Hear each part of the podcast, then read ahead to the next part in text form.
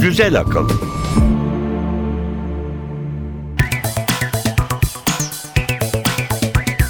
Merhaba Türkiye, merhaba Elif Yılmaz. Merhaba İnan Aran. Güzel Akıl bölüm 7 başlıyor. Bu hafta bilim ve teknoloji dünyasında neler olmuş, gündemde neler var? Bir tanıtımımız var onu dinleyelim. Güzel Akıl'da bu hafta. Nükleer felaket sonrası radyasyonun zararlı etkilerini bertaraf edecek ilaç yolda. 100 yaşındaydı, dünyanın göz bebeğiydi. Türünün son örneği yalnız George maalesef aramızdan ayrıldı. Tüm zamanların tek şampiyonu Çita'nın sırrı keşfedildi. Çita'nın marifeti hızlandıkça artırabildiği adım sayısında. Enjeksiyon derdi bitiyor. Yutulabilir ultrason benzeri U-pil sayesinde tedaviler çok kolay. Kablosuz internet bağlantı hızından şikayet dönemi sona eriyor. Bunun için ışığı bükmek yeterli. Dünyanın en ucuz tablet bilgisayarı Hindistan'dan geldi. 40 dolarlık tabletler sahiplerine ulaştırılmayı bekliyor. Bilim ve teknoloji tarihi.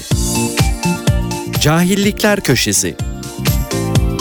Ve bir portre. Nikola Tesla kimdi? Çağdaşlarından 100 yıl ileride olmak onu nasıl etkiledi? Elektriğin sihirbazından kalan mirasta neler var?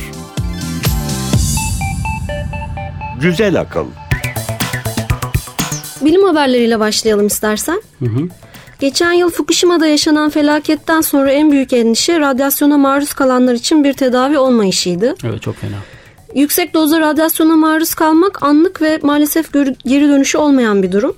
Bağırsak sistemi zarar görüyor, kan hücresi üretiminde görevli kemik iliği hücreleri yitiriliyor ve bağışıklık sistemi yıkıma uğruyor. Bazı ülkelerde olası bir kaza durumunda radyasyon zehirlenmesine karşı granülositkoloni stimülan faktör adlı ilaç depolanıyor. Adı zormuş. Adı çok zor evet. Kemik iliği fonksiyonunu güçlendiren bu ilacın soğuk hava depolarında saklanması ve radyasyona maruz kaldıktan hemen sonra en kısa sürede alınması gerekiyor. Cincinnati Çocuk Hastanesi'nde kök hücre biyolojisi çalışan Hartmut Geiger fareler üzerine yaptıkları çalışmalar sonucu ışınımdan 24 saat sonra bile uygulanabilecek bir tedavi yöntemi geliştirdiklerini açıkladı. Bu iki yeni trombomodülün bileşiğinin kullanımı Japonya'da onaylandı. Şimdi ilacın piyasaya çıkması için çalışılıyor. Umarız hiç gerek kalmaz. Dileğimiz o. Bir e, haber vardı, bir kayıp haberi. Neydi o? Ya çok üzücü değil mi? Dünyanın en ünlü hayvanlarından biri, dünyanın en önemli adalarından birinde. Galapagos.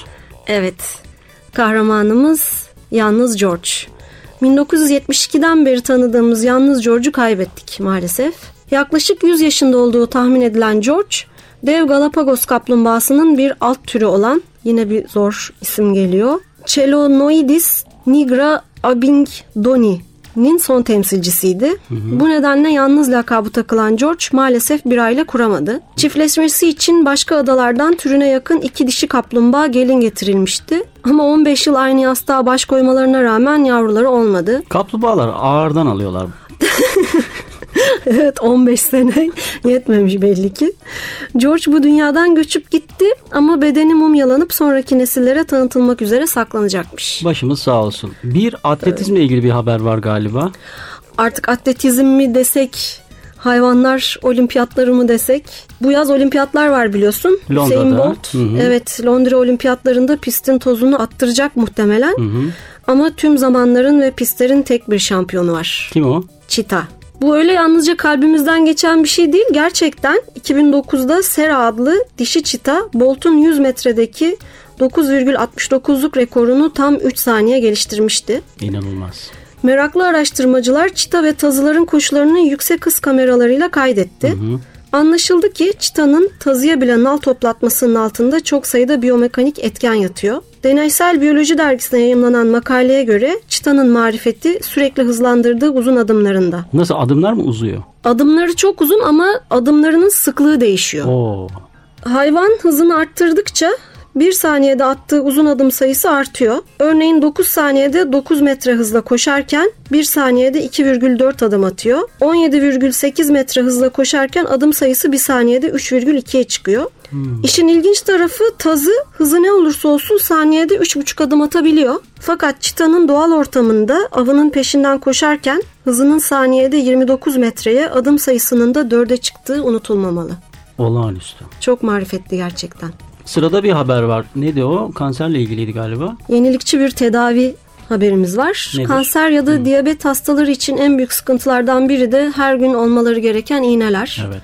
Çok sancılı bir şey gerçekten. Hap daha kolay bir alternatif elbette ama insülin gibi maddeler ağız yoluyla alındığında dokulara yeterince çabuk nüfuz edemiyor. Bu yüzden de etkili olamıyor. Ultrasonsa ilacın deri yoluyla iletimini hızlandırmak ve emilimini kolaylaştırmak için yıllardır kullanılıyor.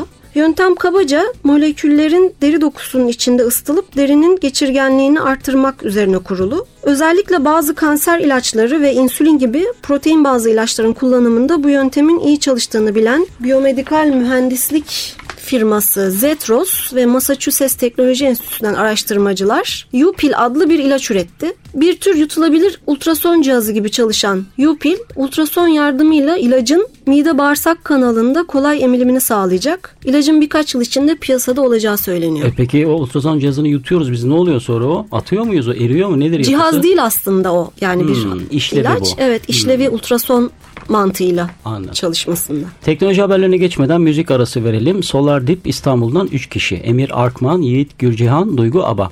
Indie Electronic Dance tarzında parçalar üretiyorlar. Bu yılın başında yeni albümden Dance Like Wolves için bir de klip hazırladılar.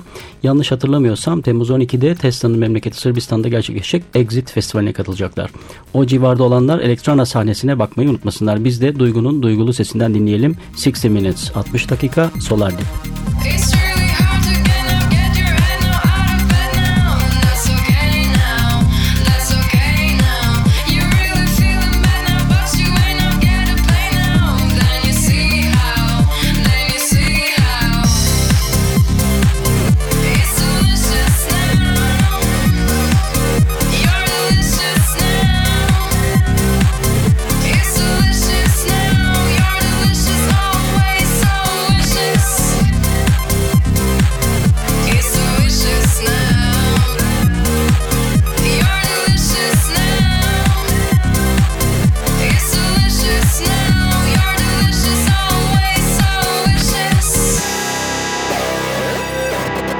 Güzel akıl.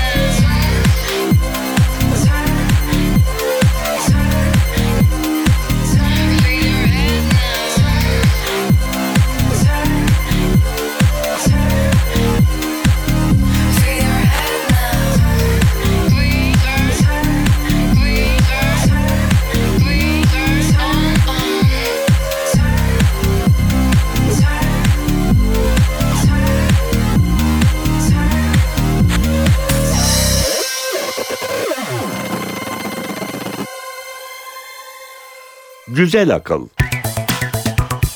Teknoloji haberlerine geçelim. Alan Turing'in 100. doğum yılı şerefine tüm dünyada birçok etkinlik düzenleniyor. Bunlardan biri de elbette Alan Turing'in mucidi olduğu Turing testi uygulaması. Hatırlayalım istersen Turing testini. Neydi Turing testi? Bir paravan var, arkasında bilgisayar var, bir tane de insan var. Biz sorular yönelterek kim insan, kim makine anlamaya çalışıyoruz. Evet, sonuçta makine uygulayıcıyı insan olduğuna inandırabilirse Turing testinden geçmiş oluyor. 1950'lerden beri yapılan testi geçebilen yok. Evet. Ama geçen hafta Eugene Gutzman adında 13 yaşında bir erkek çocuğu canlandıran chatbot bugüne değin elde edilen en yüksek skoru yaptı. Alan Turing test boyunca uygulayıcıyı sürenin %30'unda insan olduğuna inandıran yapay zekanın testi geçtiğini söylemişti. Eugene Gutzman %29'da sonuca çok yaklaştı. Chatbot'un yaratıcısı Vladimir Veselov ona bir kimlik yüklemenin çok yararlı olduğunu düşünüyor. Eugene Gutzman tam da 13 yaşında bir çocuk kıvamında ne her şeyi biliyor ne de hiçbir şeyden habersiz. Liseli diyelim mi? Kendi cümleleriyle konuşması da ona büyük avantaj sağladı. Çünkü yine iyi sonuçlar elde eden önceki makinelerin bir kimliği yoktu. Onlar herkesti. Daha önce konuştukları ya da Twitter'da yazdıklarını okudukları insanların bir karmasıydılar. Bir hamster besleyen Ukraynalı Eugene Gutzman tüm zamanların en kalabalık ve en acar jürisi karşısında çok iyi mücadele etti. İnternet hızından memnun musun? Bazen. Bazen. Kablosuz internet hızından memnun olmayanlar için bir öneri geldi. Işığı şöyle bir büküverin en hızlı bağlantılara kucak açın deniyor. Enteresan. İşin şakası tabii bu ama gerçekten de belirli frekansta ışık demetinin farklı yönlere bükülmesi veri transferini arttırıyor. Güney Kaliforniya Üniversitesi'nden Jiang Wang ve Alan Wilner bükme tekniğini kullanarak saniyede 1 terabitten fazla veri aktarmayı başardılar. İyi rakam. Evlerde kullandığımız tipik Wi-Fi yönlendiricilerin saniyede 1 megabitte çalıştığını ve terabitin megabitten 1 milyon kat Bir milyon. büyük olduğunu düşünürsek artık sen hesap et Olağanüstü. hızı.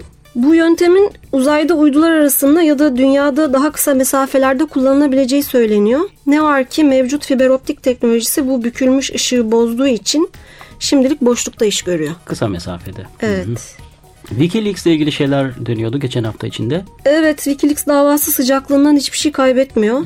Julian Assange geçtiğimiz günlerde Londra'daki Ekvador Büyükelçiliğine sığındı. İngiltere Assange'ın bu davranışla şartlı tahliye kurallarını ihlal ettiğini söyleyerek iadesini talep etti.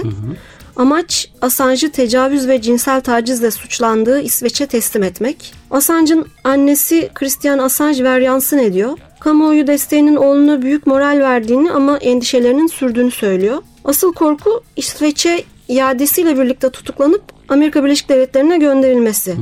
Amerika Assange'ı kendi deyimiyle İsveç'teki gibi aslen siyasi bir manevra olan bu saçma sebeplerle değil hükümet ve büyük şirketlerin gizliliğini ihlal ve casusluktan yargılanıp ölüm cezasına çarptırılacağı Wikileaks davası için istiyor. Assange'ın annesi öfkeli, İngiltere, İsveç ve memleketi Avustralya'yı Amerika'nın kuklası olmakla suçluyor. İsveç ise Assange hakkımız söke söke alırız. Elimizde kapı gibi Avrupa tutuklama emri var ve tümüyle yasalara uygun davranıyoruz diyor. Demek Bundan- bazen yetmiyor bu. Yetmiyor evet. Bundan sonra ne olacağı muğlak ama sıkı bir pazarlık sürecinin başlayacağı söyleniyor. Mutlaka. Hindistan'la ilgili bir şey var. Hindistan'la ilgili evet bence süper. Hindistan sonunda kendisinden bekleneni yaptı. Dünyanın en ucuz tablet bilgisayarını üretti. Ne güzel. Akash 2 bir önceki versiyonuna göre daha iyi işlemciye, uzun pil ömrüne ve yüksek programlama kapasitesine sahip. Özellikle öğrenciler için üretilen Akash 2'nin fiyatı bizim parayla yaklaşık 75 lira. Çok güzel, çok hesaplı. Süper değil mi? Hükümet tarafından da destek gören Akash 2'nin ülkede internet kullanımını yaygınlaştırması bekleniyor. Daha doğrusu bu amaçla e, üretiliyor. Ne var ki dağıtım Hindistan'da sorun. Bu engeli aşabilirlerse tabletin girmediği okul kalmayacak diyor yetkililer. Akash 2 800 MHz işlemci hızına 3 saat pil ömrüne sahip ve son Android yazılımları çalıştırabiliyor.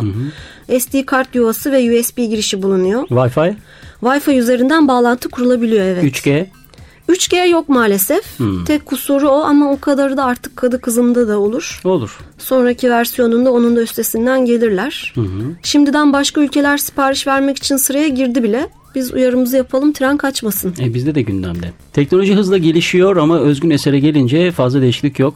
Bulamıyoruz. Heves bir yere kadar, yetenek de öyle. Yolun kalanında yaya yürümeyi göze almayanların elinden pek düzgün iş çıkmıyor. 2008'de Tokyo'da bir kulüpte DJ Aki dinleyip bu işi ben de yaparım diyen Alpan Aytekin gözü kara müzisyenlerden. Görece yeni başlamasına rağmen az zamanda epey yol almış. Şimdilerde uluslararası festivallere katılıyor. Arada bilgisayar oyunlarına ses hazırlıyor. Drum and Bass tarzında gayet başarılı Alpan Aytekin üretimi yüksek irtifalı bir parçayla devam edelim. Military Industrial Complex. Hem askeri hem sanayi tesis. Alpan Aytekin. A vital element in keeping the peace is our military establishment. We recognize the imperative need for this development. Yet we must not fail to comprehend its grave implications. We must guard against the acquisition of unwarranted influence, whether sought or unsought, by the military industrial complex.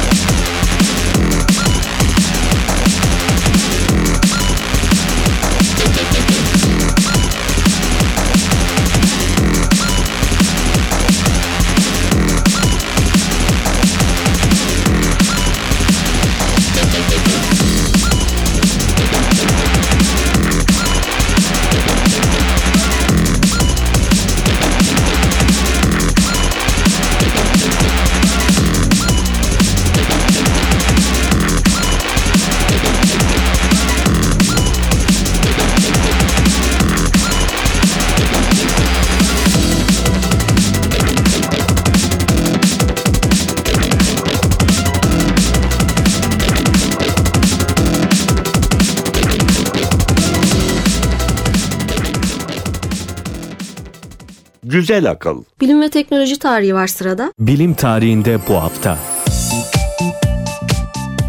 25 Haziran 1951 CBS kanalı saat 16.35'te ilk renkli televizyon programı olan Premier'i yayınladı. New York'taki stüdyodan Boston, Philadelphia, Baltimore ve Washington DC'ye yapılan yayının tanıtımında aralarında radyo yayıncısı Arthur Godfrey, televizyonun First Lady'si olarak bilinen Faye Emerson, ünlü şovmen Ed Sullivan, oyuncu Isabel Bigley gibi dönemin önemli isimleri yer aldı. Ne var ki renkli yayın sistemi siyah beyaz televizyonla rekabet edemedi ve ticari olarak başarısız oldu. 20 Ekim 1951'de yayın durduruldu. 3 aylık kısa bir deneyim. Evet. 26 Haziran 2000 İnsan Genom Projesi tüm zamanların en özel günü tanımlamasıyla Amerikan Başkanı Bill Clinton, İngiltere Başbakanı Tony Blair ve özel sektörü temsilen Celera Genomics yetkilileri tarafından ilan edildi. Henüz ilk ayağı tanımlanan projenin sonuçları 2001'de açıklandı ve eksikleri 2003'te tamamlandı. 27 Haziran 1954 ilk nükleer santral Moskova'ya yaklaşık 100 kilometre uzaklıktaki Obninsk adlı küçük bir şehirde elektrik üretmeye başladı. Grafit yavaşlatıcılı su soğutmalı reaktör 5 megawatt kullanım kapasitesine sahipti. Reaktörden hem sivil enerji ihtiyacını karşılamak hem de denizaltılarda nükleer gücün yakıt olarak kullanımı deneylerinde faydalanıldı. 1968'e kadar elektrik üreten reaktör daha sonra deneysel amaçlı ve bölgeye sıcak su sağlamak için kullanılmaya başlandı. 2002'de de artık verimli olmadığı gerekçesiyle kapatıldı. 28 Haziran 1928 Avusturyalı Friedrich Schmidt ilk deneysel roketini uçurdu. İlk yaptığı tasarım başarısız olmuştu. Fakat Schmidt yılmadı. 9 Eylül 1931'de dünyanın ilk roketli posta hizmetini Avusturya'da bazı şehirler arasında başlattı. Güvenli inişin paraşütle sağlandığı hizmet 16 Mart 1933'te sivil halkın roket yakıtı dahil patlayıcı kullanımı yasaklarına dek sürdü. Halbuki ne kadar güzel bir hizmetmiş. Roketle. Yazık olmuş. 29 Haziran 1929 ilk yüksek hızlı jet rüzgar tüneli o zaman NASA yerine görev yapan Ulusal Havacılık Danışma Kurulu'nun Kaliforniya'daki Langley Field Açık Hava Laboratuvarı'nda kuruldu. Saatte 600 km rüzgar hızına erişildi ve bu hızda uçak kanat profilleri test edildi. Bu profilleri hala kullanıyoruz. NACA profili. Hmm, onlar mı bunlar? Tabii Ulusal Havacılık Danışma Kurulu NACA. 30 Haziran 1908 sabah 7.15 civarı Rusya'daki Baykal Gölü'nün kuzeybatısından neredeyse güneş kadar parlak dev bir ateş topu gökyüzünü yardı. Birkaç dakikada 650 km öteden bile hissedilen bir sarsıntı gerçekleşti. Tunguskaya semalarında atmosfere saniyede 25 km hızla giren 50 metre çapında devasa bir göktaşı alev alev yanarak yer kabuğunu yaklaşık 10 km çökertip infilak etti. Bu büyük patlama yaklaşık 30 megaton TNT gücündeydi ve 2200 kilometrelik mesafede tüm canlı yaşamı yok etti. Tunguskaya'da neler olduğuna ilişkin ilk bilimsel çalışmayı 1927'de Leonid Kulik gerçekleştirdi. O döneme kadar çok büyük efsanelere konu olmuş. Tabii uçağın daire filan diyenler var. 1 Temmuz 1934. New York Rochester'da sıradan klinik koşullarda bir saniyelik pozlamayla tüm vücuda ait X ışını görüntüsü elde edildi. Tek parça röntgen film Eastman Kodak şirketinden Arthur Fuchs tarafından hazırlanmıştı. İlk kez seçici bir filtrenin kullanıldığı film 32'ye 72 inç boyutlarındaydı. Uygulama Chicago Röntgen Cemiyeti tarafından kalkınma fuarında tanıtıldı. Şimdi sırada cahillikler köşesi var. Cahillikler köşesi. Tekneler onları iten rüzgardan daha hızlı gidebilir mi? İmkansız gibi gelse de evet gidebilir. Tekneler yelkenleri rüzgara dikey ayarlanır ve rüzgarı arkadan alırlarsa hızlanır. Tekneyle rüzgarın hızı eşitlenirse hızlanması pek mümkün olmaz. Rüzgar önden estiğinde ise tekne yelkenlerini rüzgara 45 derece açı olacak şekilde çevirir. Yelkenler de karşıdan gelen rüzgarı yönlendirir ve yavaşlatır. Böylece rüzgar yelkenleri yandan etkilemeye başlar. Ama yelkenlerin açısı doğru ayarlanabilirse aynı etki tekneyi yana değil ileri götürmeyi de sağlar. Kısacası doğru açının ayarlanmasıyla tekneler rüzgardan daha hızlı ilerleyebilir.